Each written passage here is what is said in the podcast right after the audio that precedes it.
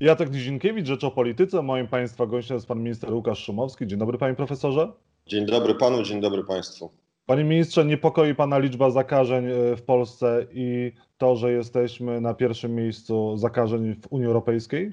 Oczywiście, że mnie niepokoi, natomiast pamiętajmy, że to jest e, wiedza o tym, że tak będzie, e, jest. Wiemy, że jeszcze te liczby będą wysokie przez najbliższe około 10 dni, dlatego że kończymy wymazywać ogromne grupy osób. To jest kilkadziesiąt tysięcy ludzi tak naprawdę w sumie, które wymazaliśmy w, no, chyba w największym polskim ognisku, czyli w kopalniach. W tej chwili do E, do piątku będziemy 17,5 tysiąca osób stamtąd wymazywać. Stąd e, spodziewamy się jeszcze przez te 10 dni wysokich liczb i potem one powinny zostać już e, w istotny sposób zredukowane. Ale jak patrzymy na Polskę, to widzimy, że w dziewięciu województwach przez ostatnie trzy dni było poniżej 30 nowych zachorowań. No to pokazuje też, że cała Polska oprócz tych ognisk no jest już e, w lepszym,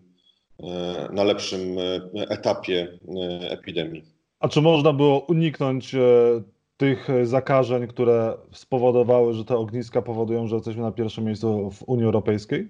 No tutaj trudno powiedzieć, czy można było tego uniknąć, dlatego że to, tak jak powiedziałem, to jest kilkadziesiąt tysięcy pracowników. To nie można tak e, sobie lekką ręką zlikwidować e, i zamknąć zakładu pracy kilkudziesięciu tysięcy. Myśmy to, co robiliśmy, to wymazywaliśmy jedną część ekip, która schodziła na dół, a druga była w gotowości i później e, odwrotnie. I te kopalnie już są wolne od wirusa, no ale kopalń w Polsce mamy dużo, w związku z tym musimy zarządzać e, jakby badaniem poszczególnych e, grup górniczych sukcesywnie, zresztą naraz tych kilkadziesiąt tysięcy, oczywiście nie jesteśmy w stanie również logistycznie zrobić, więc sukcesywnie badamy po to, żeby nie rozprzestrzeniło się to ognisko na cały Śląsk, a potem na mhm. całą Polskę.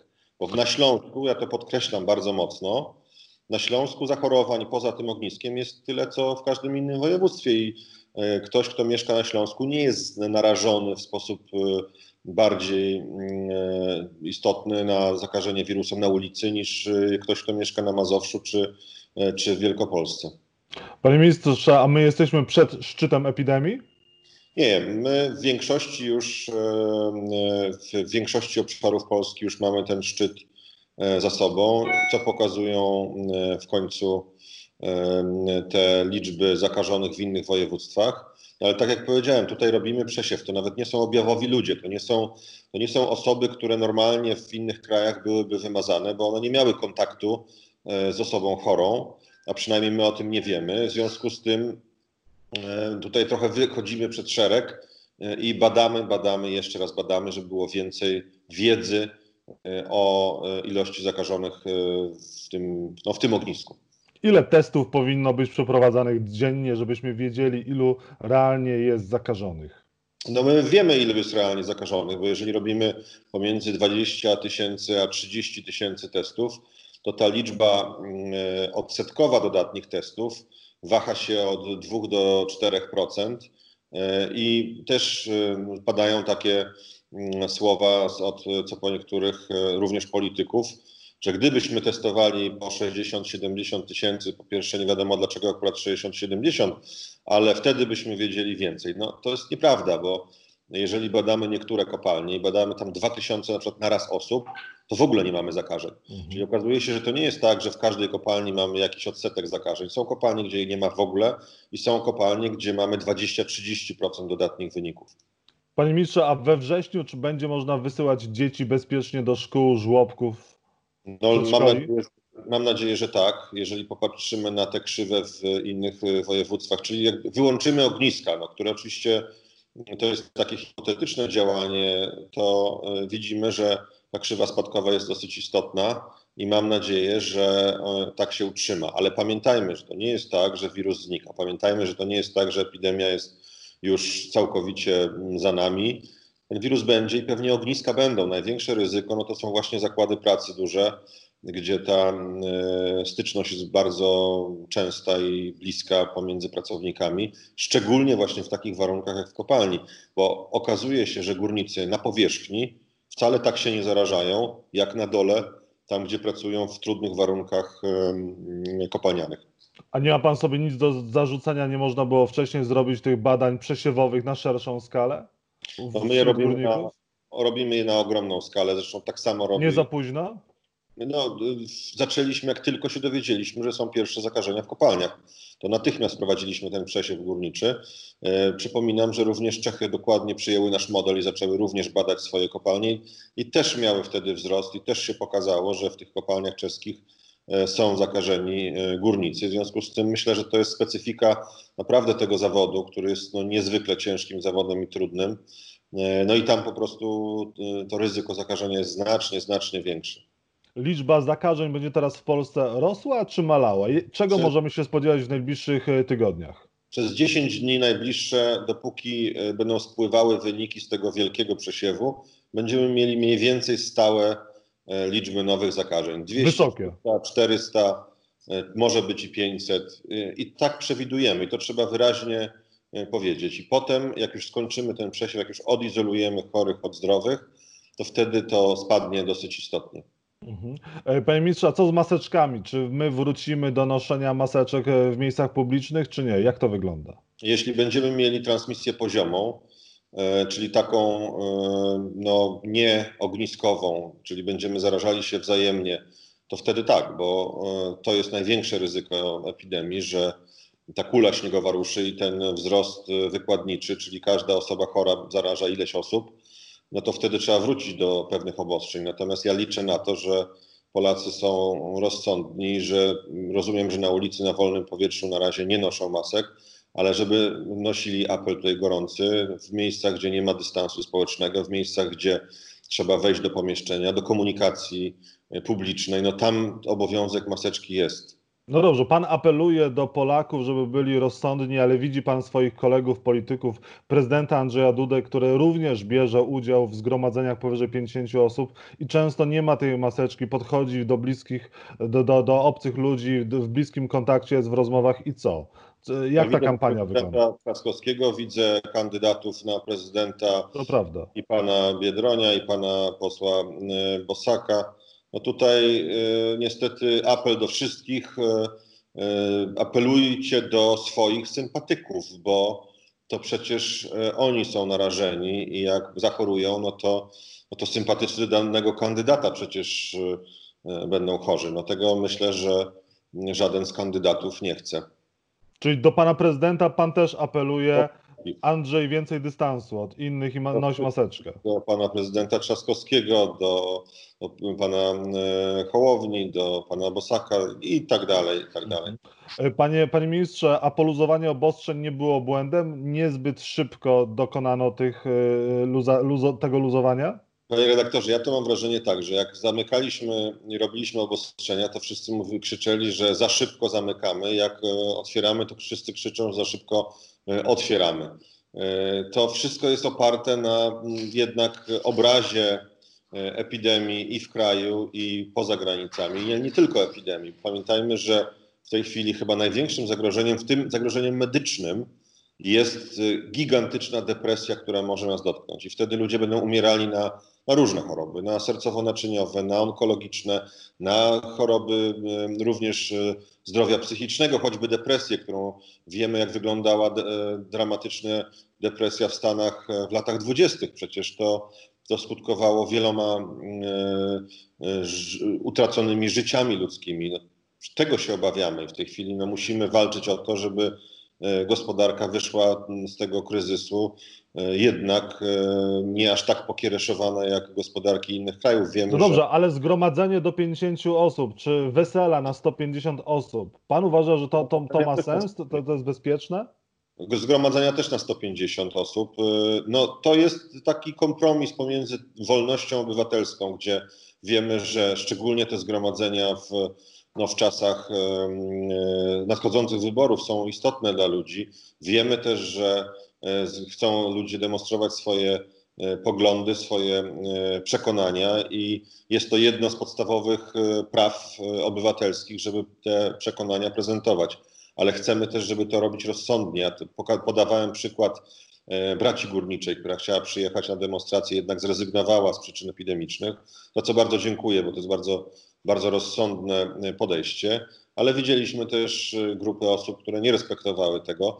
Y, jeżeli y, te 150 osób będzie, jeżeli zachowany zostanie dystans, no to wtedy to ma sens i ma to ten element bezpieczeństwa publicznego, bezpieczeństwa zdrowotnego. Również będą odmrażane imprezy sportowe, na stadionach będą mogły się gromadzić osoby w odpowiednich odstępach.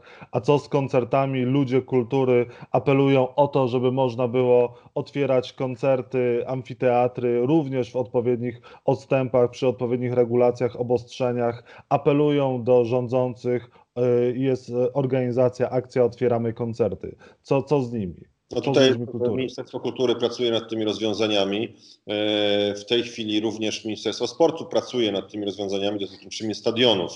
E, pierwotnie e, było to 19 wskazane jako czas. Natomiast ja przypominam, że tutaj zawsze decyzja będzie wojewody i wojewódzkiego inspektora sanitarnego ostatecznie, czy taka impreza masowa, jakim jest mecz, może się odbyć. No ale to też pewnie będzie podobne rozwiązania będą na e, imprezach dotyczących różnych innych e, dziedzin, jak choćby dziedziny kultury. A czy my będziemy mogli pójść na przykład jesienią na koncert, czy nie? No ja mam nadzieję, że tak, aczkolwiek bardzo się boję tej drugiej fali, kiedy będziemy mieli dwie epidemie i grypy, która sezonowo wraca do nas, no i COVID, który nie zniknie. No i niestety liczba osób, która będzie korzystała ze służby zdrowia, gdzie wzajemne zakażenia mogą być e, i mogą mieć miejsce, no będzie większa. W związku z tym niestety potem może się tak zdarzyć, że ta druga fala będzie wymagała pewnych działań, również e, takich zaostrzających pewne zachowania społeczne. Czyli na pewno jesienią możemy się spodziewać drugiej e, fali koronawirusa. Na dzień dzisiejszy, to, przepraszam, to powtarzam, moja mama mnie za to bardzo. Mm, e, na dzisiaj. Nie ma dnia dzisiejszego, tylko na dzisiaj. E, na dzisiaj e, takie mamy predykcje, ale jak wiemy, ta epidemia jest no, trochę nieprzewidywalna. Wiemy, że co chwila doniesienia prasowe mówią o tym, że dany lek działa, potem, że nie działa, potem, że znowu działa. W tej chwili eksperci mówili, że bezobjawowe osoby się nie zakażają. Dzisiaj już wiemy, że mogą zakażać. Więc myślę, że tutaj jeszcze wiele będziemy mieli zaskakujących zwrotów akcji. Mhm. Czy wybory mogą się odbyć 28 czerwca, wybory bezpośrednie? One będą bezpieczne? E, znaczy, ja rekomenduję cały czas wybory e, korespondencyjne. Jak ktoś może skorzystać z tej opcji i chce, to, to zachęcam. E, będziemy analizowali wszystkie gminy w Polsce, jakie mają przebiegi, jakie są ilości zakażeń, czy jest tam zakażenie poziome, czy nie. I wtedy będę swoje propozycje do PKW wysyłał. A pan y, wyklucza możliwość wprowadzenia stanu klęski żywiołowej, gdyby liczba zakażeń wzrastała albo stanu wyjątkowego? Znaczy mamy y, stan epidemii, który y, jakby dotyczy konkretnie zjawiska epidemii. W związku z tym, jakby była powódź albo huragany, no to oczywiście to może być stan klęski wtedy żywiołowy, ale na razie epidemię mamy zdefiniowaną i opisaną przez akty prawne dotyczące epidemii, czyli ustawę epidemiczną. Czyli nie przewiduje pan prze, przesunięcia tych wyborów 28 czerwca? Ja nie, nie bardzo wiem, z jakiego powodu miałbym je przesuwać. A odwołanie wyborów 10 maja było, miało, miało sens, bo rządzący teraz mówią, że no jednak spanikowaliśmy, można było je przeprowadzić. Wydaje mi się, że y, ten pierwsze terminy wyborów mogły być y, do przeprowadzenia, szczególnie, że w formie korespondencyjnej. Wtedy byśmy byli już po wyborach, byłoby, byśmy zajmowali się stricte pracą i nad gospodarką i nad y, zwalczaniem epidemii, a nie w trybie kampanijnym. Panie ministrze, proszę powiedzieć, pan myślał o tym, żeby podać się do dymisji?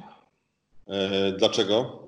No, narasta wokół Pana bardzo dużo e, różnych e, sytuacji, które pokazują, że mogło dojść do e, no, konfliktu interesów między Panem, ministerstwem, Pańską żoną, współpracownikami, bratem. No, historii jest bardzo dużo. To już było 15 razy wałkowane. Ja przypomnę, że niektóre portale, Konkret24 analizował tą sytuację bodajże rok temu czy dwa lata temu, już nie pamiętam, i powiedział, że jest to fake news, a te same grupy mediowe dzisiaj podnoszą tą kwestię. Mam wrażenie, że to jest czysta polityka w tych to są insynuacje, nie ma w tym krztyny prawdy. A na jakim poziomie te insynuacje są, no to najlepiej pokazuje, no niestety, Gazeta Wyborcza, która dzisiaj znowu skłamała i napisała, że nie dostaliśmy żadnych respiratorów, podczas gdy już te respiratory są dawno w Polsce. Widzimy kampanię oszczerstw i hejtu na ulicach, plakatowanie osób, które są związane bezpośrednio z Gazetą Wyborczą, między innymi na nośnikach, których właścicielem jest e, Agora. No to wszystko pokazuje poziom zaangażowania politycznego i brak takiego dystansu do rzeczywistości. Pan sobie nie ma nic do, do zarzucenia? Nie, no nie bardzo wiem, w którym aspekcie. Na pewno e, pewne decyzje mogły być szybsze, mocniejsze, e, czy e, mogliśmy pewnie jakieś drobne błędy popełnić, to jest oczywiste. Natomiast na pewno w ogóle to nie ma nic wspólnego z tym, z tym stekiem oszczerstw i insynuacji, o których pisze Gazeta Wyborcza. Jarosław Kaczyński chciał, że pan odszedł, że pan się podał do dymisji, czy radził panu, że pan trwał na stanowisku? Nie, nie, pan prezes nie, nie, nie zaskoczył mnie pan tak dziwnym pytaniem. Pan prezes nigdy nie mówił, żebym kiedykolwiek odchodził. Mhm. E, panie ministrze, proszę powiedzieć, e, a co z, z, z tym, z, tym z, z jawnością majątkową pańskiej żony? Kiedy my się dowiemy, czy, czy w ogóle dowiemy, e, jak Nie. wygląda majątek pańskiej żony?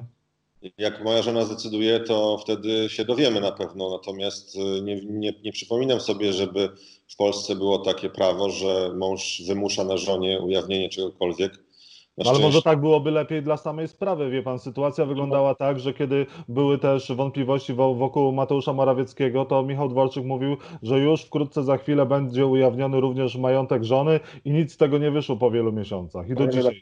E, jeżeli mamy mm, działać w, na zasadzie pewnych e, zasad prawnych, to powinno dotyczyć wszystkich, a nie wybranych przez media polityków bo wtedy zaczniemy sobie grę robić taką, którego polityka wybieramy do ujawniania majątku żony, e, kuzyna czy e, kogokolwiek z rodziny. Mhm. Po to jest ustawa, jak ona będzie, będzie obowiązywała wszystkich, będzie to norma prawna obowiązująca wszystkich polityków i nie tylko polityków. Czekamy na nią, wtedy natychmiast z mocy prawa te majątki zostaną ujawnione. Mhm. Czy rząd podjął już rozmowy z jakimiś koncernami farmaceutycznymi w sprawie zakupu e, szczepionki? Nie, bo jeszcze ta szczepionka nie jest na tym etapie, żeby można w ogóle rozmawiać o zakupach. E, słyszymy, że zaczyna działać, e, ale to są dopiero e, testy i eksperymenty. W związku z tym, jak będziemy mieli już badania dotyczące bezpieczeństwa, no to wtedy myślę, że będzie ten etap, kiedy będziemy mogli powiedzieć, że no, to jest bliskie już etapu wdrożenia praktycznego. A do kiedy będziemy musieli nosić maseczki? W dalszym ciągu, bo znaczy pan mówi, że do wynalezienia szczepionki, a teraz nie musimy ich nosić. I kiedy będzie ta szczepionka? No na zewnątrz nie musimy ich nosić, bo ta transmisja pozioma spadła, natomiast wewnątrz nadal musimy nosić i myślę, że e, powinniśmy je nosić. To jest e, e, coraz bardziej udokumentowane działanie w medycynie, w publikacjach medycznych. A kiedy będzie szczepionka? No ja bardzo liczę na to, że to będzie wiosna przyszłego roku. Mhm. Państwa i moim gościem był pan minister Łukasz Szumowski. Bardzo dziękuję za rozmowę, panie profesorze. Dziękuję bardzo. Pozdrawiam. Wszystkiego dobrego.